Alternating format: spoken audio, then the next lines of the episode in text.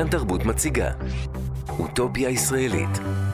פרויקט מיוחד ליום העצמאות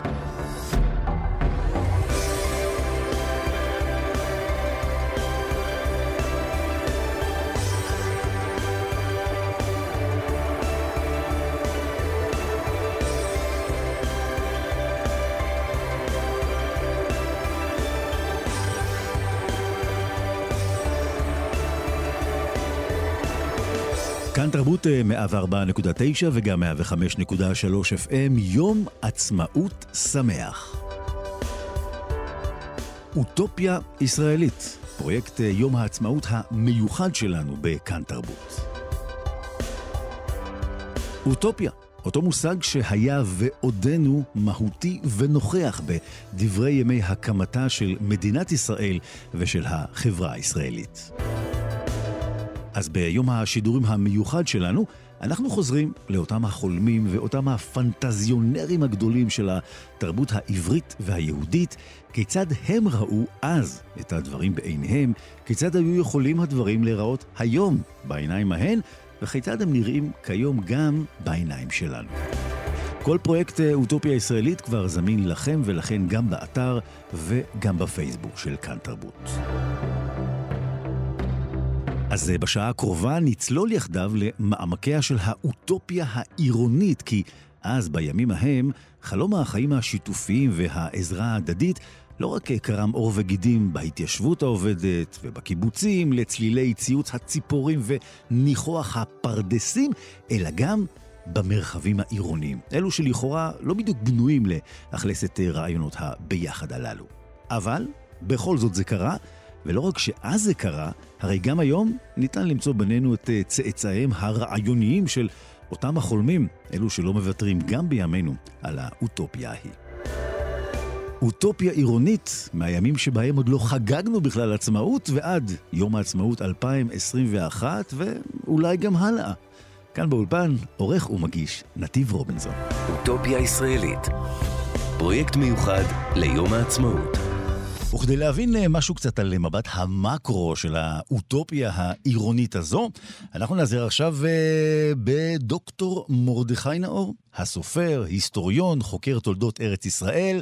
חג עצמאות שמח, מודקה. חג עצמאות שמח. יש כמה נקודות מעניינות uh, בהיסטוריה שלנו, כי יש לנו גם את שכונת בורוכו, ולמעשה גם, אפשר לומר, את קריית חיים, ורמת אפעל סוג של, ואפילו עוד איזשהו רעיון באזור הדרום, אז מיד נגלה הכל. אנחנו מדברים על שנות ה-20, שנות ה-30 uh, של המאה הקודמת, יש כבר בארץ מושבים, יש קיבוצים. ופתאום אה, אה, קמים החבר'ה הללו עם האידיאולוגיה הזו של ליצור שיתופיות עירונית. קודם כל זה היה יוצא דופן אז בתקופה ההיא. הרעיון הוא שהפועלים והמשפחות שלהם לא לא התגוררו בעיר הקפיטליסטית, אלא יבנו את הבתים שלהם כמה קילומטרים ממנה, בחיק הטבע, ואפילו שיעבדו בעיר, הם יקימו לעצמם משקי עזר לצד בתיהם. כלומר, בעצם אה, לא אה, לטמא במרכאות את האידיאולוגיה הסוציאליסטית, בניחוחות הקפיטליסטים, הם יעבדו איתם, אבל הם לא יחיו איתם. זאת אומרת, זה כמו ללכת עם ולהרגיש בלי. נכון, תראה, הם רצו, הם רצו את המקסימום. אני חושב שהם גם רצו באמת לחיות רחוק באופן יחסי, בתנאים יותר טובים, כי העיר כבר אז הייתה לה, היה בה פיח, אתה יודע מה? התחילו אפילו תאונות דרכים. עד כדי כך. כן, זה היה מכוניות כבר, כן? גם היה העניין של הערבות ההדדית, כלומר, גם אם לא מתחלקים כן, בכל אמצעי הייצור עד הסוף... אבל גם בעיר היו קואופרטיבים עם ערבות הדדית. כאן, כאן זה ערבות הדדית הרבה יותר עמוקה, כי אתה לא רק עובד ביחד, ואתה מביא את ההון ביחד, אלא אתה גם גר ביחד. אגב, גם בתל אביב היו ניסיונות, לא כאלה כמובן. מה זה מעונות עובדים? מעונות עובדים זה בניינים תל אביביים עם שיתופיות מסוימת, אבל כמובן אין משק עזר, אין גם טבע, הכל בתוך העיר. הם רצו להיות אחרים, רצו להיות ליהנות מכל העולמות. אז בורחוב, אנחנו אומרים, בעצם הייתה אה, אה, הראשונה, שכונת הפועלים הראשונה, שהיום כבר אנחנו יודעים, הפכה מאוטופיה חלוצית לאוטופיה נדל"נית, כי שכונת יוקרה בגבעתיים, אבל אז בימים ההם זה היה חלום אמיתי לשכונת פועלים אה, סוציאליסטית עירונית. כן, אה, תראה, התפיסה של הפועלים בימים ההם הייתה שראוי ורצוי שפועלים יהיו ביחד ויגורו ביחד, אה, ויהיה להם גם את המוסדות שלהם ואת הערכים שלהם. והעיר העיר עצמה הייתה כזאת עם קצת מוקצה, אם אפשר להגיד. Mm-hmm. אז אם, עכשיו, הבינו שהעיר חייבת להתקיים, אבל אתה לא יכול לבטל אותה. אז אם ככה, לא לגור בעיר, לגור בסביבתה, מרחק חמישה, שישה, שבעה קילומטר, ולנהל חיים שאתה אוהב אותם. והדוגמה הכי טובה זה שכונת ברחוב, אה, שהייתה מ... איך נגדיר את זה? ממזרח לתל אביב, פחות או יותר. Mm-hmm. הוקמה ב-1922, וכאן אני רוצה לקרוא לך רק בסך הכל הגדרה שהם הגדירו את עצמם. אוקיי. Okay. קהילת עובדים עירונית אוטונומית. קהילת עובדים עירונית אוטונומית. כן. עכשיו, כאן מוכרחים להגיד דבר שלא ידוע. הם בכלל לא התכוונו להתיישב במקום הזה. הרעיון שלהם היה להתיישב מדרום ליפו. באזור יפו, כן. מדרום mm-hmm. ליפו. אה, הם גם איתרו שטח, אבל באו מאורעות 1921, אה, וזה בדיוק עכשיו 100 שנה. אה, ב-1 במאי זה יהיה. Mm-hmm. והם הגיעו למסקנה שהמקום ביפו לא, לא בשבילם, וחיפשו דבר אחר. הציעו להם להתאחד עם ראשוני עיר גנים, במילים אחרות רמת גן, אבל הם אמרו, אלה בורגנים, אנחנו רוצים להיות uh, פועלים. הם הבורגנים, אוקיי. עכשיו, עכשיו תשים לב את השיטה. השיטה היא כזאת, הם קנו בערך 500 דונם, קנו, קיבלו, רכשו, לא יודע איך לקרוא לזה, ל-90 משפחות, כאשר כל משפחה קיבלה שניים וחצי דונם mm-hmm. למשק עזר. זאת אומרת, זה לא רק שאתה גר מחוץ לעיר, אתה גם חצי חקלאי בערך. אז בוא, אז בוא נבין בעצם, כי שוב, אנחנו מדברים דווקא על הצד האורבני, אז בעצם היו הרי את היישובים אה, השיתופיים, היו את הקיבוצים. אז... יש כבר, יש כבר התחלה של מושבים. התחלה של מושבים, אז אם אנחנו מנסים בכל זאת אה, לאבחן את, ה, את האוטופיה הזאת, אז אה, הם קרובים לעיר, זה משקי עזר, אבל הם, הם לא חקלאים, הם עירוניים, זו מין הגדרה ככה, כן, פיוז'ן מעניין לא, כזה. הם, הם גם לא מתחלקים כמו הקיבוץ, ואפילו במידה מסוימת המושב, באמצעי הייצור. כי, כי תראה, גם, גם, גם במושב היה בעצם המחלבה המרכזית, חלק מה, מהענפים עובדו במשותף, בקיבוץ אין מה לדבר, כן? אבל כאן לא, כאן לכל אחד היה משק עזר, שאני רוצה להגיד לך מה היה בו בערך. Mm-hmm. היה בו בערך איזה דונם לירקות, אחר כך היה, הייתה בו אולי פרה אחת, ברור ששתיים, שלוש, ארבע עיזים, mm-hmm. ופחות או יותר, היה גם uh, כאלה שהיה להם משק דבש, אתה יודע, אבל בסך הכל, דברים שסייעו בכלכלת הבית, נקרא לזה. לפי חוקי ההסתדרות הראשונים, הם לא יכלו להעסיק פועלים שכירים, וגם לא יכלו להשכיר חדר בדירה שלהם למישהו שלא מה, מהיישוב שלהם. וואו. זאת אומרת, הם היו, הם היו גוף מאוד אה, קשוח. זה נשמע כמו תקנון קיבוצי כמעט. כן, זה היה מרכז תרבותי בלתי רגיל. אה, אתה יודע מה? לפעמים יותר מתל אביב אפילו. אה, בחצר על דמע הופיעו... חצר על דמע, תראה, תיאטרון האוהל ותיאטרון המטאטה, בוודאי. לא רק זה, הבימה, הבימה וזה. יש את הסיפור הידוע שהבת הקטנה של אלדמה, דיצה, באחת מההצגות של, של הבימה, התחילה לבכות. אז בהפסקה לקחה אותה חנה רובינה על הברכיים. ו- ועוד לא אמרנו כלום על התרומה להגנה. שם היה הסליק הגדול של ההגנה. מה? הסליק? הגדול. בוודאי. בכלל, היה שם עיר תחתית. איך נאמר? עיר מתחת לאדמה של כל הסליקים וכל מיני אה, יצור נשק. תראה, זה גם היה טוב, כי זה לא היה בתל אביב. תל אביב היא חשודה.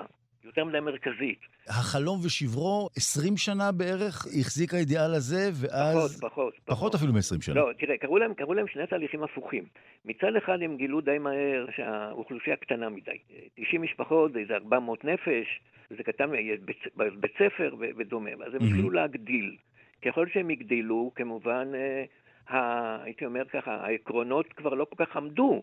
אחר כך היה עליהם לחצים, ואל תשכח שדי מהר, זה לקח איזה עשר שנים, אה, התחילו לבנות גם שכונות אחרות מסביבם, בלי העקרונות שלהם, אה, גבעת רמב"ם ו- ודברים כאלה, mm-hmm. אלה שאחר כך באיחוד שלהם יביאו את גבעתיים. היו להם שם המון בעיות עם השנים, זה לא עבד, ואז הם uh, הרחיבו את היריעה.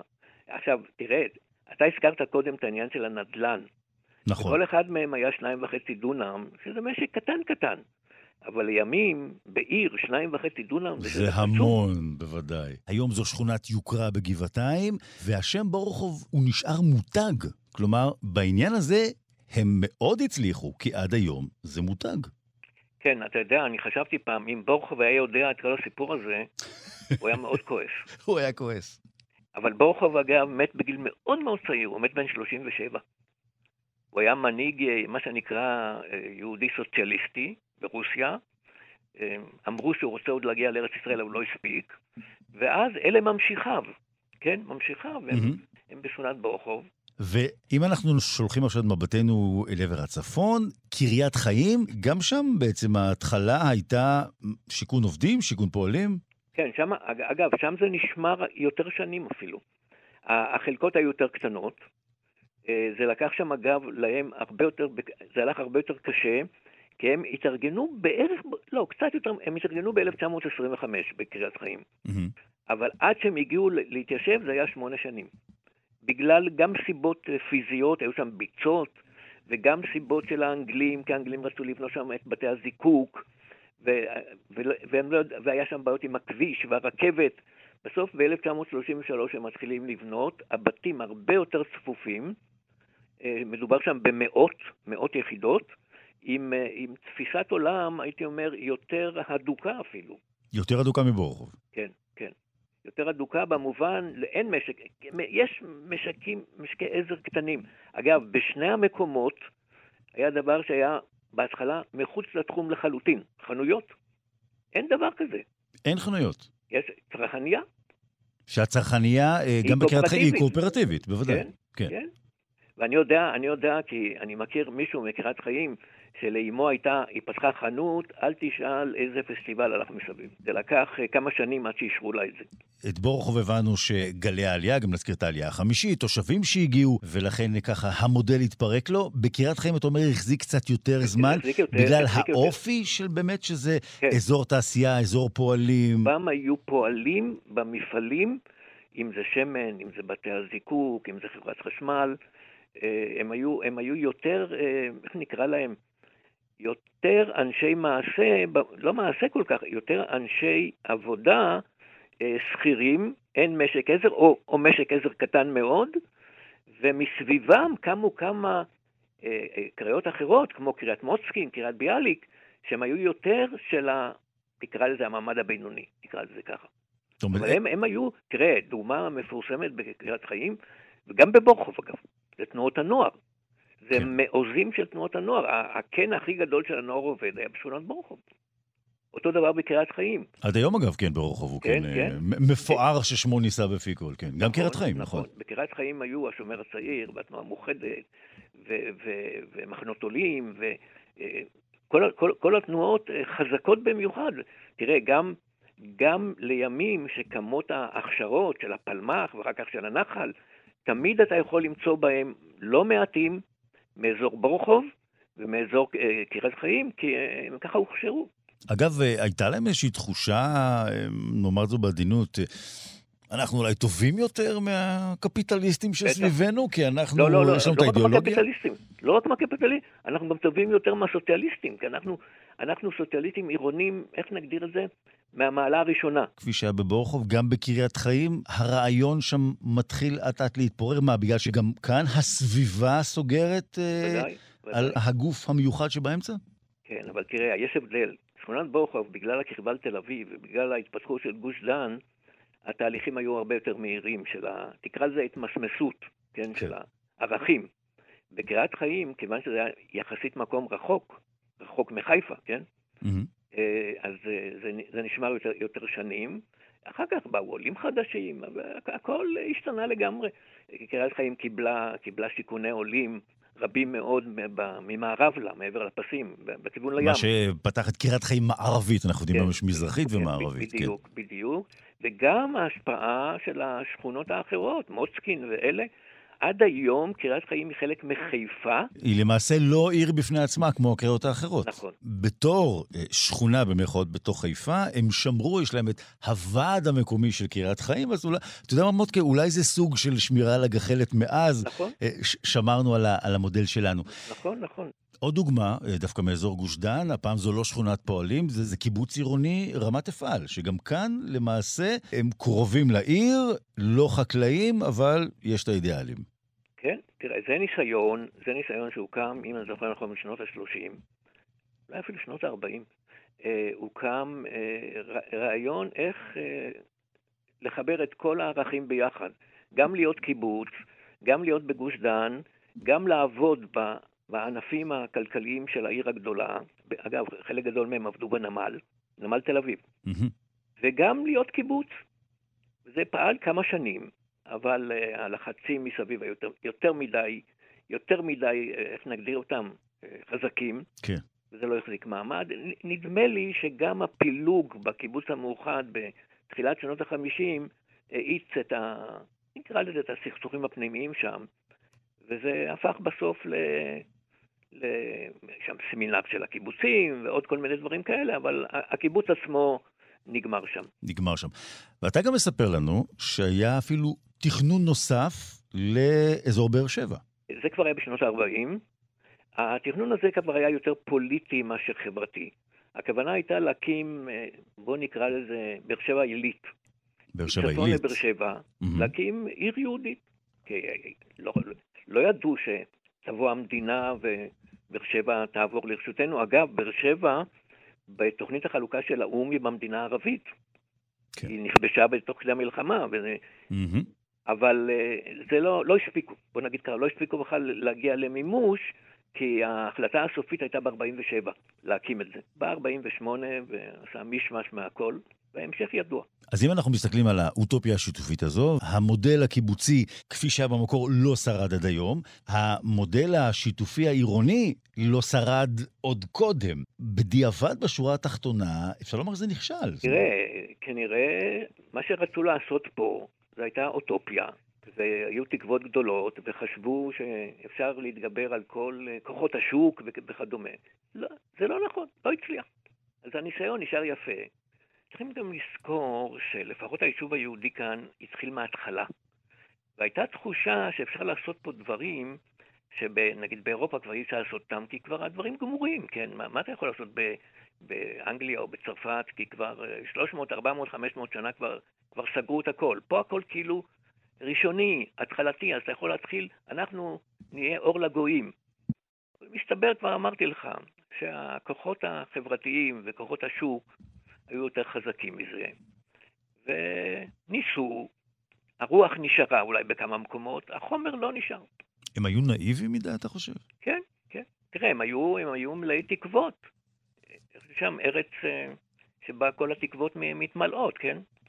בימים ההם זה נחשב אפילו להצלחה. כן. אחר כך הכוחות האחרים היו יותר חזקים. אז הנה, האוטופיה העירונית, מאה שנים אה, לאחור, החלומות אה, ושברם, אבל אה, גם הדברים שנותרו לנו. הדוקטור אה, מרדכי נאור, מוטקה, סופר, היסטוריון, חוקר תולדות ארץ ישראל, תודה רבה, חג עצמאות שמח ואוטופיה. חג עצמאות שמח. תודה, מוטקה. שלום. אוטופיה ישראלית, פרויקט מיוחד ליום העצמאות. האוטופיה העירונית אה, נמשכת גם בימינו, ואם נוטים לחשוב שרק החלוצים אז בימים ההם אה, מימשו מודלים אלו ואחרים, גם היום זה קורה. נאמר עכשיו אה, שלום למירית סולמה ולאייל סדובסקי, שלום לשניכם. שלום. שלום, אהלן. חג עצמאות שמח. חג שמח. ואתם חברי הקיבוץ המחנכים העירוני בעכו, מתנועת דרור ישראל. אה, מירית, מה זה אומר קיבוץ עירוני? אז קיבוץ עירוני זה בעצם אה, קיבוץ, אה, יש כאלה הרבה ברחבי הארץ של תנועת דרור ישראל. אנחנו רובנו בוגרי תנועת הנוער העובד והלומד, אחרי צבא, ובעצם מקימים קיבוצים ברחבי הארץ, אנחנו חברים בקיבוץ בעכו. Mm-hmm. אנחנו בעצם משהו כמו 75 מבוגרים ו-15 ילדים שכבר נולדו לחברים פה. Mm-hmm. הקיבוץ קיים 15 שנה. ואנחנו משפחות וקבוצות וזוגות שגרים ביחד במרכז העיר בבניין משותף, ויש לנו גם דירות שכורות ברחבי העיר. והבניין שלנו מחולק ככה שבאמת המשפחות והקבוצות, כל אחת יש לה דירה משלה, חוץ מזה שכולנו חיים אה, בשיתוף כזה או אחר, אז אנחנו גם כולנו קמים בבוקר אה, למשימת החינוך. השליחות שלנו זה ש- החינוך. שזו בעצם מה שאתם עושים ברחבי העיר. לכאורה אין הבדל בטיב הרעיון, באידיאולוגיה של הקיבוץ הרגיל? כלומר, הם נגיד עבדו בחקלאות ובפלחה, אתם עובדים בחינוך ובעיר. המודל, האוטופיה, מבחינת התפיסה היא אותה תפיסה? בגדול, בעומק, כן. בפרקטיקות, בחיי יום-יום, אה, יש הבדלים מאוד מאוד גדולים. הרעיון הוא שוב, אה, ניקח, גם החלום הציוני על זה שנגור במדינה ויהיה מקום, אה, ובעצם תהיה מדינת אה, מופת כזאת, שיהיה מקום לכולם לגור בה ולחיות בה בצורה הכי טובה, כולל התחדשות האדם וכל מיני רעיונות כאלה כמו סוציאליזם שמסתובבים בעולם. Mm-hmm. אז אנחנו כן מאוד מאמינים, אבל מנסים לחיות את זה היום. כלומר, הרבה ללמוד מה, מה פעם היה רעיון טוב. אבל לא הצליח פרקטית, או צריך להתאים אותו להיום, כמו מה שמירית אמרה, לדוגמה, אין לנו תקנון, כל קבוצה, כל משפחה, כל אה, יחיד שחי בקבוצה הזאת חי על פי אה, ערכים משותפים, אבל בפרקטיקה זה נראה אחרת. וכן, מבחינתנו הדבר הכי מרכזי היום, האתגר הגדול של מדינת ישראל, זה שאלת החינוך, ואיך אנחנו יכולים להביא את הבשורה הזאת בצורה כן. הכי טובה. תראו, בימי טרום המדינה, וכמובן בשנים הראשונות של המדינה, ואם אנחנו באמת אה, חוזרים רגע למודל הקיבוצי, הכפרי, אז היה כמובן הרבה הרבה יותר נפוץ כל העניין הזה. היום, בעיני אנשים אחרים, אתם קצת אה, עוף מוזר, אפשר לומר, כי תראו, אנחנו חיים, בואו נאמר את האמת, בחברה הרבה יותר קפיטליסטית אה, מאשר היה פעם, הרבה פחות שיתופית. אתם מרגישים קצת שונים? מצד אחד כן, ומצד אחד לא. מצד אחר לא. אתה צודק שבאמת החברה היא, מה שאמרת, יותר קפיטליסטית, יותר אינדיבידואלית, אבל אנחנו גם כן רואים אה, לא רק סנוניות, אלא ממש בקשה של, אה, לדעתי, של אנשים בחברה הישראלית, כן mm-hmm. לחפש יותר את הקהילתיות ואת השיתוף. אפשר לראות את זה במודלים של דיור משותף, במודלים של שכונות שיתופיות, יש לנו את כל העניין הזה בעבודה, WeWork, WeLive, כל, ה, כל הקואופרטיבים האלה שצצים.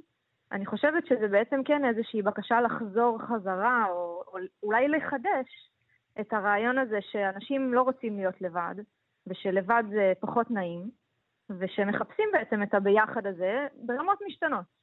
אבל אתם גם לא עושים לעצמכם חיים קלים. זאת אומרת, זה לא שלקחתם איזה בניין יפה בגוש דן, למשל, אתם הלכתם לעכו, ואני יודע גם שאתם יושבים ממש בחיבור של כמה שכונות, שכונת קורצ'אק ועוד כמה שכונות, שהן לא השכונות הכי טובות בעיר.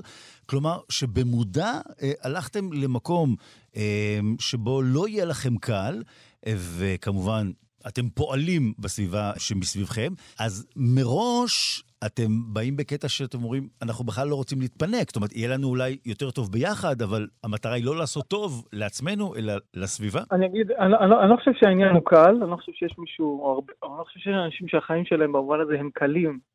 אבל כן, בחרנו לוותר על המותרות, או על המרדף אחרי הכסף לעוד כסף, ש... וכן לבחור אה, בשותפות כאורך חיים. ובמובן הזה נכון, אנחנו עוף מוזר, בטח אחרי שבחברה הישראלית אה, אוהבים אה, לשחוט את הרעיון הקיבוצי של פעם, כאילו mm-hmm. זה היה כישלון, נכון, יש טעויות, נכון, יש דברים שהיה צריך אה, אולי בדיעבד לעשות אחרת, אבל מצד שני, כולנו יודעים מה החלוצים הביאו ויצרו פה בידיים שלהם, ואנחנו מאוד מאמינים בזה, כלומר, המדד הוא העושר הפנימי והשותפות שלנו, גם עם תושבים בעיר שאנחנו מאוד מחפשים את זה, לא מחפשים להתבדל, מחפשים יחד איתם, וביחד איתם לייצר עוד ועוד מקומות אה, שיתופיים כאלה, כמו הגינה הקהילתית שאנחנו יצרנו בעכו, זה לא בשבילנו יכלנו לעשות על הגג שלנו איזה גינה כזאת ולהרוויח את מה שאנחנו רוצים לעצמנו, לא, זה ממש לא הרעיון, ההפך, העושר של החיים מתבטא בזה שאתה מייצר הרבה שותפויות עם הרבה מאוד אנשים שונים ממך, וגם הבחירה ללכת לעכו, בכלל לכל מקום בפריפריה, למצפה רמון, לא משנה לאן, אז אתם אידיאליסטים, חברים, בלי שום ציניות. בלי שום ציניות, וזו לא מילה גסה. אני אגיד יותר מזה, כן. ההפך. כלומר, אנחנו יודעים שחלוצים ומי שהולך בראש מחנה שאומר לאן צריך ללכת, בדרך כלל הוא ירגיש לבד. בדרך כלל החברה לא תרוץ לחבק אותו, כי ככה זה, גם את הרצל הוקיעו, ושכמותו. לא שאני מתיימר להיות הרצל, אבל כן ברור לי שכשאני עושה מעשה שהוא לא כמו הרוב, אז יגידו עליי שאני המשונה.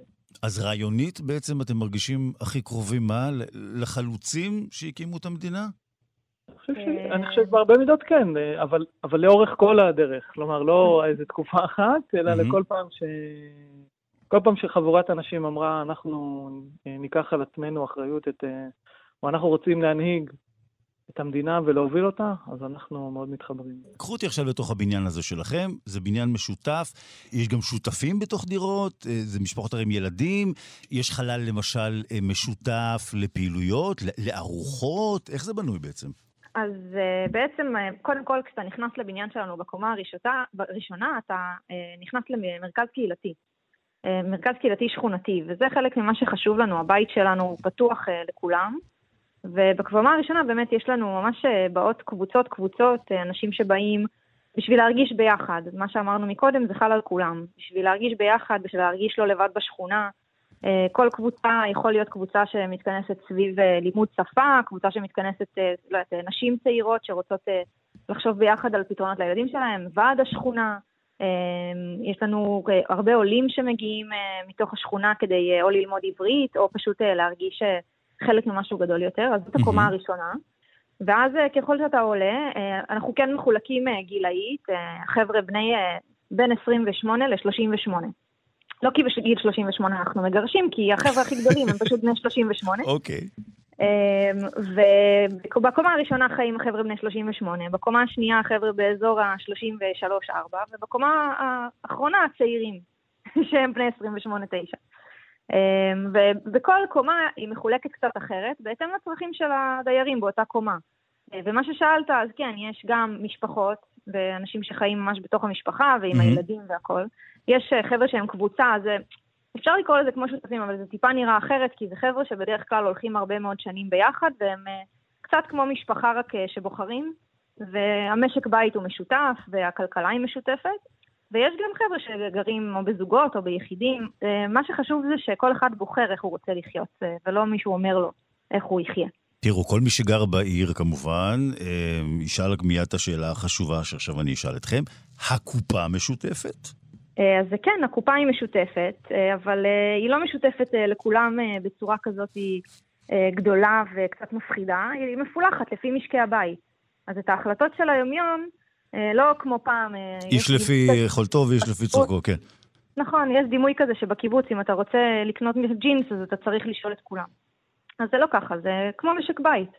אתם, את הפעילות שלכם, אמרנו בעיקר פעילות חינוכית, איך הסביבה מקבלת אותה? כלומר, אתם מגיעים ואומרים, אנחנו כאן אה, כדי לנדב למענכם, כי כמו שאמרנו, אתם אידיאליסטים, אבל האנשים שסביבכם עוד לא בדיוק הבינו בהתחלה מה בדיוק הקטע. כן, אנחנו אף פעם לא באים בצורה הזאת של אה, להגיד, אה, שלום, אנחנו כאן, אה, באנו להיות אידיאליסטים. אמ, יותר כאילו להכיר את האנשים, להכיר את הרחוב. אנחנו בדרך כלל, בגלל שאנחנו באמת מחנכים, אנחנו נכנסים קודם כל לאזור המוכר שלנו, שזה בתי הספר ותנועות הנוער והנוער עצמו. ואנחנו באים בעצם לבנות את החיים שלנו ביחד עם התושבים. אז אם אנחנו רואים שחסר לימודי שפה ושיש הרבה עולים ושאנחנו רוצים אה, לתת איזשהו, איזשהו מרחב בטוח לעולה ל, ללמוד עברית אה, בצורה קבוצתית, אז אנחנו נקים את הקבוצות האלה. ואם נגיד יש לנו, שמנו לב שבעכו מלא ילדים נוסעים על אופניים. אז יש אצלנו אחד החברים שהוא ממש אוהב את כל הסיפור הזה של אופניים. אז הוא הקים סדנת אופניים לבני נוער, שמה שהם עושים בעצם זה מתקנים אופניים אחד לשני וגם לילדים הקטנים יותר, ואפילו מוצאים אופניים ברחוב ומשפצים אותם ומחלקים אותם uh, לילדים שאין להם. שזה גם אה. כמובן אה, מקנה את, את הערכים ואת האחריות ואת הדברים לדור הצעיר. ואת מספרת כאן באמת, מירית, על כל הדברים. מן הסתם הפעילויות שלכם, אתם עושים אותם בנתינה לקהילה. אבל בשורה התחתונה אתם צריכים גם לקיים את הקיבוץ כלכלית. הרבה מאיתנו מורים אה, בבתי ספר שהם באזור, אה, בעכו אין לנו בית ספר, אבל אה, באזור הקריות וחיפה וכרמיאל יש לנו בתי ספר שאנחנו הקמנו. זה ברשת ארצית שנקראת דרור בתי חינוך. אני נגיד מורה בחיפה, אחרי הצהריים אני חוזרת הביתה ואני מדריכה ביום חמישי בערב קבוצת אה, עולים דוברי רוסית בגיל שלי, mm-hmm. אה, וגם אה, אני מתאמצת, אה, עכשיו עם הקורונה קצת היה לנו יותר קשה, אבל להקים איזשהו ליין של מפגשים של נשים שקוראים לו שישי נשים, לנשים יהודיות וערביות, חילוניות, דתיות, מכל הכותרות שיש בעכו, שיבואו וייפגשו אחת עם השנייה וידברו על מה זה להיות אישה ועל העצמה נשית ודברים כאלה. אז כן, אז אנחנו גם עובדים, שוב, בתחום החינוך, אה, ואנחנו גם אה, מתנדבים בחלק מהזמן. ועל הרבה דברים שאנחנו עושים אנחנו גם מתוקצבים, אה, בין אם זה מהעירייה או מהמדינה. דברים שאנחנו עושים, אנחנו עושים בשיתוף פעולה עם עיריית עכו, שגם הזמינה אותנו להקים את הקיבוץ שלנו בעיר, וגם תומכת ובעצם יד ביד איתנו בכל הפעילות. בסופו של דבר תחום החינוך זה תחום מבוקש, ויש לזה הכרה מסוימת גם בעירייה וגם במדינה. הקיבוצים העירוניים שיש היום בארץ הם בפריפריה, כלומר קיבוץ עירוני מן הסתם במקומות המבוססים. מן הסתם לא צריכים אותו, ומן הסתם גם מי שגר שם פחות יתחבר לרעיון, אמת? אה, אז אני לא ניסיתי להקים קיבוץ עירוני ביישוב מבוסס, אה, אבל אה, כן, הקיבוצים שלנו באמת נמצאים הרבה יותר אה, בפריפריה, גם החברתית וגם הגיאוגרפית, זאת אומרת, יש גם קיבוץ בתל אביב, כן? אבל, אבל באמת בפריפריה החברתית והגיאוגרפית. בשכונת שפירא בתל אביב, כן. נכון, כן. שזה בדרום תל אביב, כן. כן. אז, אז אני חושבת שבמקומות האלה יש לנו, אנחנו מוצאים את האתגר, וגם את אורח החיים הרצוי לנו, של הקשר באמת לאנשים, לאתגרים ש, שיש לאנשים במקומות האלה. זה המקומות ש, שאנחנו בוחרים להיות בהם יותר. המודל המקורי המקורי של הסוציאליזם הקיבוצי ההוא, בסופו של דבר סוג של פשט הרי את הרגל. הקיבוצים העירוניים, כאשר את מסתכלת אה, שנים קדימה, איך אנחנו נראה את זה? יושב כאן אולי ביום העצמאות 2041, אה, אה, איך נראה את זה? וואו, זו שאלה מהממת. אני, קודם כל אני מקווה שיהיו יותר קיבוצים עירוניים, ואולי נלמד לכבוש גם את האזור, כמו שאמרת, האחר. המבוסס יותר. המבוסס, כן. אני לא יודעת. אמ, ואני בעיקר מקווה שאנחנו אה, נראה הרבה אנשים מתחברים לרעיון הקהילתי והשיתופי, גם אם הם לא חיים רק בקיבוץ עירוני. יכול להיות שפה תקום אה, שכונה שיתופית, ופה תקום עיר שיתופית, ויכול להיות שבמקומות אחרים אה, יהיו קבוצות שיתופיות, ומבחינתי, כל פעם שבן אדם מבין על עצמו שהוא לא רוצה לבד והוא רוצה ביחד, זה, זה, זה הכוונה והחזון שלי. אז את מבחינתך כותרת, אה, כמו שכאן נתנו היום, אוטופיה עירונית, את מתחברת אליה מאוד, אני מבין. מאוד. אני חושבת שהעיר היא מצד אחד אה, כאילו היום יכולה לזמן אה, איזושהי בדידות, אבל גם יש בה המון פוטנציאל. וצריך לראות את הפוטנציאל הזה כדי להגשים אותו. אז uh, מירית uh, סולמה ואייל סדובסקי, שככה קצת נפל לנו מהקו, אבל נותר עמנו כאן ברוחו, ובכל מקרה, עם האידיאלים שלו, נתת בנו ככה um, אופטימיות. את יודעת, אז אנחנו אולי באמת נקבע שיחה ליום העצמאות 2041 uh, כדי. לוודא. תודה רבה, חג עצמאות שמח. חג עצמאות שמח, להתראות. אוטופיה ישראלית, פרויקט מיוחד ליום העצמאות. האוטופיה העירונית אה, כאן על ראש אה, שמחתנו, בזה חג אה, העצמאות. ולכן אומר עכשיו שלום וחג עצמאות שמח לדוקטור דיאנה לוצטו, שהיא אנתרופולוגית אורבנית, ובעזרתה אנחנו נבין עוד כמה הקשרים חשובים. חג עצמאות שמח, דיאנה.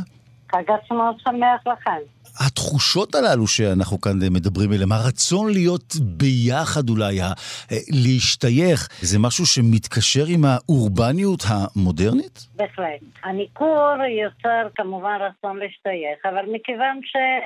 אין יותר את הדברים שהיו פעם, אנשים כבר לא מכירים אחד את השני בעיר, העיר גדלה כל הזמן וגדלה לגובה וגדלה לרוחב. אנשים מחפשים פתרונות לבדידות. אה, זה מעניין שאנשים אפילו בעיר כמו תל אביב, שבעיניי בכלל לא מנוכרת, מרגישים ניכור אם הם באים מקהילות אחרות. אז אה, מחפשים פתרונות. הבעיה שבדרך כלל מי שמחפש פתרונות זה אנשים צעירים, mm-hmm. שאין להם הרבה מה... אין להם, אין להם הרבה כסף, אין להם מה להתחיל. למשל, אני יודעת על, על איזשהו גרעין שבו אה, צעירים קונים דברים ביחד, אה, אין להם אה, כסף אז קונים אוטו וכל אחד משתמש באוטו כשהוא יכול וכן הלאה. את בעצם מחברת את העניין של הקואופרטיבים העירוניים הללו, הקיבוצים העירוניים או בכלל כל ההתאגדויות הללו, את קושרת את זה לעניינים הכלכליים הלוגיסטיים החומריים. הרעיון העיקרי זה לספק תמיכה בהיבטים הכלכליים ובהיבטים החומריים. אה, למשל, אחת הגרעינים האלה שאני הכרתי מקרוב, הייתי בפנים. אה, אוקיי, היה שם רופא, הרופא עזר לאנשים, והאינסטלטור עזר לרופא, אה, וכן הלאה. אמרת שבעינייך תל אביב היא לא עיר מנוכרת. לא. זה אומר שישראל בכלל, כי אם תל אביב, אתה יודע, זה שיא הניכור במרכאות הישראלי, אז זה אומר שהאורבניות בישראל לא מנוכרת בכלל, אפשר לא, לא, לא, ממש.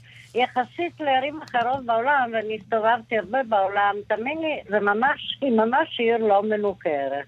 היא יותר מנוכרת ממה שהייתה פעם, שהייתה קטנה, ואנשים הכירו וכן הלאה. אבל היא הרבה פחות מנוכרת ממדינות אחרות, אין, אין בכלל מה להשוות.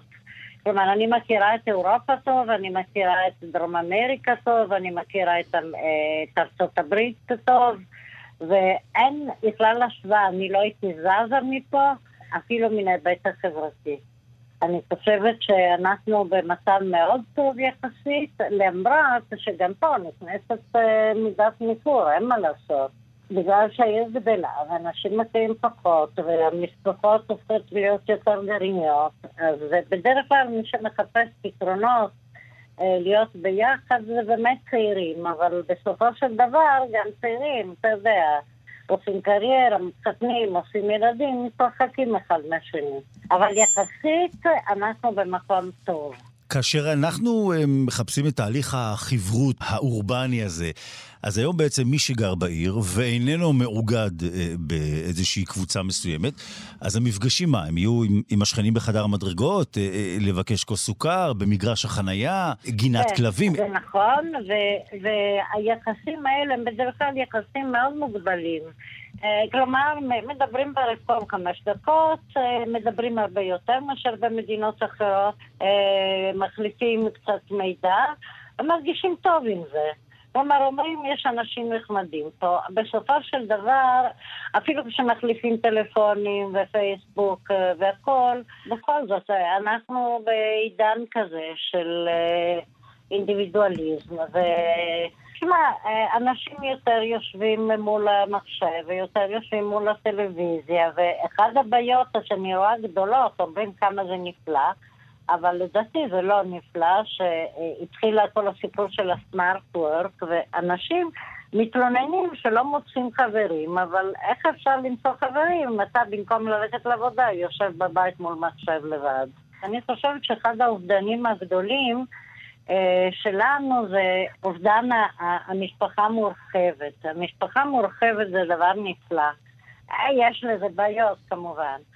אה, ועדיין יש מקומות שבהם ישנה משפחה מורחבת. אני מכירה למשל את יפו טוב, האוכלוסייה הערבית ביפו, ושם יש עדיין את כל העניין הזה של המשפחתיות, הסינגות, להיות ביחד.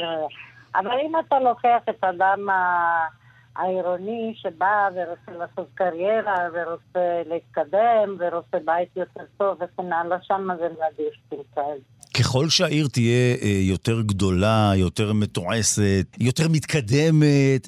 יותר טכנולוגית. יותר טכנולוגית, אני מדבר עכשיו גם בארץ וגם בעולם. אז הניכור יהיה יותר גדול? בוודאי. בבתים הקטנים שהיו קודם, והיה שם אבק בית, ואנשים ישבו ביחד, רבו כל הזמן, אבל הכירו.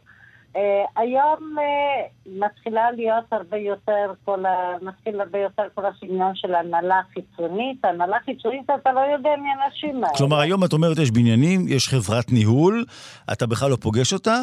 כבר שהיה ועד בית, היינו יושבים כולנו למטה במקלט, מתווכחים, אבל יש בינינו משהו. אז חברות הניהול שאולי מקלות עלינו את החיים, הן גורמות לנו נזק בקשרים החברתיים, את אומרת. בוודאי. והזכרת את יפו, אנחנו מכירים את הסיפור ביפו, שמתחם היוקרה שנבנה שם, נכון. וסגרו אותו בעצם לדיירים שגרים מחוץ למקום עצמו. בהחלט. זה נקרא תהליך גנטריפיקציה. אה, ש... ו...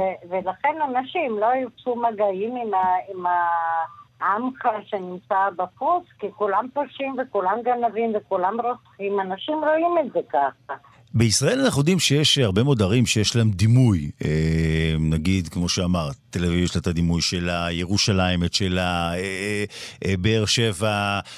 יאמרו לי למשל שבחיפה אנשים חברותיים יותר מבתל אביב. בחיפה זה נכון, אגב. בחיפה זה נכון? בחיפה זה נכון. למה זה נכון דווקא בחיפה? אומרת, מה יש בחיפה שיגרום לאנשים שגרים שם בעיר הזו להיות אחרת? איזושהי התערבבות יותר של אנשים, של מגזרים שונים, אה, שדווקא תורמת משום מה. וגם ביפו, אגב, זה אותו דבר. פרט לאותם המקומות שיש ג'נטריפיקציה, היפואים הם הרבה יותר נחמדים מאשר במקומות אחרים. כי יש התערבבות גם כן של, של אתה יודע, עדות שונות ומגזרים שונים ודתות שונות, זה מוזר, אבל זה ככה. ישנם הרבה מאוד אנשים שבאמת אה, מתרפקים ואומרים, פעם כל השכנים היו אומרים אחד לשני שלום בחדר המדרגות, אבל הם אומרים את זה, והם לא באמת אה, רוצים לעצור לומר שלום לשכנה מהקומה השלישית. כלומר, זה סוג של אמירה מן הפה לחוץ. אני חושבת שגם אנשים השתנו פשוט. מה, מה שפעם נחשב נורמלי, היום כבר לא נחשב אה, נורמלי, ויש בפרטיות, תשמע, אין, הפרטיות זה דבר טוב. האפשרות לשמור על פרטיות זה דבר מבורך מבחינתי. צריך למצוא איזון. והאיזון בין הפרטיות לבין האנשים פעם נכנסו לך לחיים. אתה יודע, היו שואלים אותך כאלה שאלות אינטימיות, mm-hmm. זה באמת, לא, היה ממש מוגזם. אבל uh, וכל אחד uh, בא ושפט אותך ואמר לך מה אתה צריך להיות ואיך אתה צריך להיות. וכ... אז, אז אני חושבת שאפשר למצוא על איזון, אפשר לשמור על, על חברותיות וגם לשמור על פרטיות. לא... אני מאוד אופטימית מבחינה זאת. אני לא חושבת שאנחנו נהפוך פעם אה, ל... ל... לא יודעת, לניו יורק. יש איזה חוק סוציולוגי. אתה לא יכול להגיע לפסגת הניכור בלי שאחר כך אתה תקפש דרך לצאת מהניכור. וככה זה הולך, הדברים הם לא קווים, הדברים הם, אה, אתה יודע, כמו גלים. אז, אה, אז אני מאוד אופטימית, ולקראת היום עצמאות הזה, אני מאחלת לאנשים שיהיו באמת נחמדים אחד לשני, לא... ואם אנחנו נפגשים כאן ביום העצמאות עוד אה, כך וכך שנים, מצבנו מבחינת הניכור האורבני הזה, כפי שמדברת עליו כאן, העירוני הזה, יהיה טוב יותר, טוב פחות? אותו דבר? אני חושבת שיהיה טוב יותר, מכיוון שבניכור אנשים יחפשו להם, אה, אה, כמו שאמרתי, מחפשים להם בועות, מחפשים חוגים, מחפשים מקומות אה, להיות שבהם יש פחות ניכור. אז אה, אתה, אף פעם לא הולכים רק לכיוון אחד. זה, לא, לא קיים, וההיסטוריה מלמדת אותנו. אני מאוד אוהבת היסטוריה מבחינה זאת, בגלל שדברים משתנים קודם לכיוון אחד, ואז כשרואים שזה היה מוגזם, משתנים לכיוון השני. אז הנה, קיבלנו גם את הזווית הזו אה, בעזרתה של דוקטור דיאנה לוצטו, אנתרופולוגית אורבנית. תודה רבה ומרובה. תודה אה, לך. חג עצמאות שמח. חג עצמאות מאושר. אוטופיה ישראלית. פרויקט מיוחד ליום העצמאות. דיברנו על שכונת בורוכוב, עכשיו אנחנו רוצים לדבר על משפחת אלדמה משכונת בורוכוב, המשפחה שכפי ששמענו, אבי המשפחה אברהם אלדמה, שם בחצר הבית הגיעו להופיע התיאטרונים, הבימה והאוהל והמטאטה, כמובן סליק ההגנה הגדול שהיה מתחת לבית, ומי שגדלה אה, שם בבית, בתו של אברהם אלדמה, היא דיצה אלדמה, שנמצאת אה, כאן איתנו על הקו. שלום דיצה. שלום וברכה. וגם נמצאת איתנו uh, חן אלדמה, שהיא בתו של רן אלדמה, שכבר לא נמצא עמנו, אז uh, שלום לך גם חן. שלום, שלום. אז דיצה, ממה ששמענו זה נשמע באמת כמו סוג של uh, אוטופיה כזו, של שכונה מיוחדת. היחסים היו יחסים קרובים, כן, בהחלט. כל השכנים מסביב הייתה קרבה מאוד גדולה בין כולם, ידידות עמוקה, עזרה הדדית בכל אה, דבר, והשתתפו יחד גם בכל השמחות וגם, וגם כמובן אה, ברגעי עקב שעברו אה, פה ושם על המשפחות. ואהבו ממש להתאסף ולשבת יחד ולשיר ולספר סיפורים. דיצה, בסופו של דבר, כמו שאמרנו, החזון הזה והאוטופיה הזו, השכונה נבלעה בעצם, התאחדה עם שכונות נוספות, והיא הפכה להיות שכונה בתוך העיר גבעתיים. את זוכרת את השלב שבעצם ככה מאבדים את התום אולי, את האידיליה הזו? תראה, זה היה ב... בשלבים שלבים זה היה, אז ככה שאני לא זוכרת אה, אה, רגע מסוים או mm-hmm. זמן מסוים, אבל אה, לאט לאט כן אה, הפכנו לעיר ו, והכבישים נעשו יותר סוענים, אי אפשר היה כבר לשחק תופסת ומחבואים אה, על הדרכים בשכונה, אלא אה, כבר זה היה ממש מקום יותר סואן. שהילדים לא יכלו לשחק אה, על הכביש, כאילו כל האווירה השתנתה mm-hmm. לגמרי. אבל אה, מה שכן נשאר זה השכנות הטובה והרעות הזאת בין ה... השכנים ש, שגרו ב, ברחוב בורוכוב נגיד, כן. סביב uh, החצר שלנו. זה נשאר. הסופר אוריאל אופק אה, גדל גם הוא בשכונה. כן. אני כילד קראתי את ספריו על, על ילדי השכונה. הספרים באמת של אוריאל אופק, אה, ככה חוויות הילדים, זה באמת ככה מייצג? כן, זה... הרבה דברים אה, מאוד אה, מזכירים גם את הילדות שלי. כן, יש היום גם בעצם מסלול, נכון? זאת אומרת שאפשר להגיע לסיורים לבתים שעוד נותרו, ועם הסברים אפילו, מה, איפה הייתה הצרכנייה, איפה היה כל מקום, אפשר לראות את, ה, את הקואופרטיב של פעם? בהחלט, וזה באמת עבודה של אבא וחבריו של העמותה שדאגו לשילוט ועשו איזה מין מחקר כזה.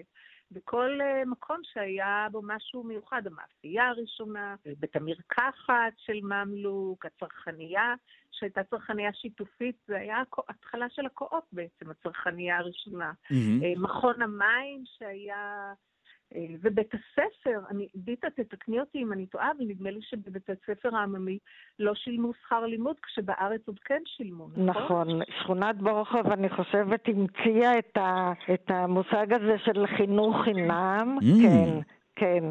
היו אספות של הוועד, והחליטו בוועד שכונת בורוכוב אה, שהשנים הראשונות של הלימודים יהיו בחינם אה, לילדים, כן. אבא שלי היה אחד מאלה שיזמו את חוק חינוך החינם, אפשר להגיד. אז הנה עוד משהו אה, כן. פורץ דרך לשכונה השיתופית כן. הראשונה בארץ. נכון. הזכרנו גם בתוכנית שלנו ששכונת בורחוב הפכה מאוטופיה חלוצית לאוטופיה נדל"נית, היום זו הרי שכונה יוקרתית. אז בהקשר הזה, מה קרה עם בית אלדמה עצמו? אוי, זה כואב. תראה, אני יכולה להגיד מה סבתא אמרה על זה, סבתא זהבה. כן. היא אמרה שצריך, לא היה אז כזה חזון של שימור בארץ, היום זה כמובן לא היה קורה. כן. אבל אה, סבתא דגלה, היא הייתה מאוד uh, פתוחה, למרות שהיא הייתה מבוגרת. היא אמרה, צריך לחדש חד, uh, ישן, חדש מפני ישן. כן. ואין שום משמעות לקירות, וצריך לבנות ולהתחדש ולהתקדם. אבל כמובן שהיום כולנו מבינים שהיו צריכים להשאיר את הבית הזה, זה היה צריך להפוך למוזיאון של גבעתיים, זה היה בית מיוחד בצורה עגולה עם גג... אה, שטוח. הוא התכוון שזה יהיה בית אה, לשימוש הציבור, כן. כן. וכך היה. כן, כן, כן. כך היה. זאת אומרת, זה בעצם היה אה, בית פרטי שהיה בית ציבורי, אם אנחנו כן, יכולים ככה בהחלט, לומר זאת, אה, כן, נכון? כן, בהחלט, אני חושבת. מבחינתך, ברמה האישית, ובטח ברמה המשפחתית, לאורך השנים, אה, דיברו על כך באיזשהו עצב, באיזשהו אולי צער, שזה לא נמשך יותר, כי בעצם משהו כמו 20 שנה החזון ככה היה במיטבו, ואחר כך באמת ככה כבר התחיל להישבר ולהיסדק. היו דיבורים על כך במשפחה? שמעת?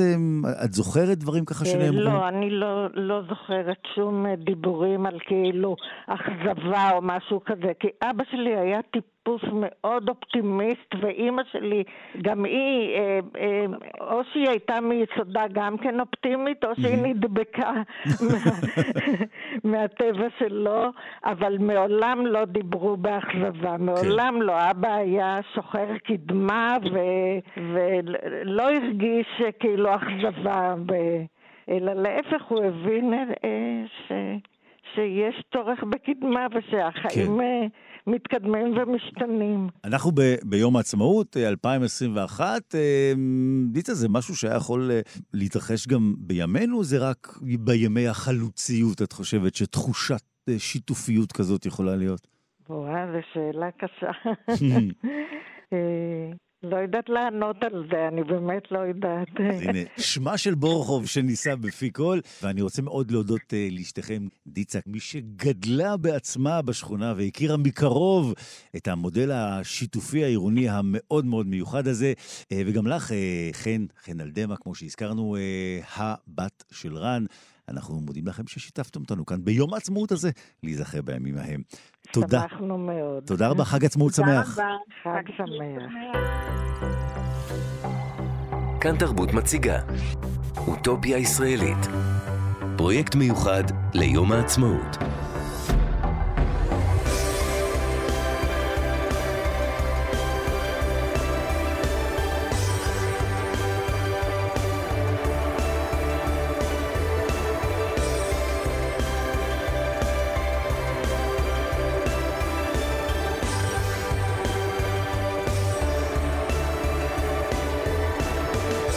זו האוטופיה העירונית שלנו, שמצטרפת לפאזל האוטופי המלא של פרויקט יום העצמאות של כאן תרבות, על האוטופיה הישראלית, הפרויקט שכבר זמין לכם ולכן גם באתר וגם בפייסבוק של כאן תרבות. נכנסנו לאווירה האוטופית וגם יצאנו באווירה האופטימית, כי כל עוד נמשיך לחלום, הרי שהחלומות לא ייעלמו לעולם. ממני, נתיב רובינזון, חג עצמאות שמח. רק בישראל.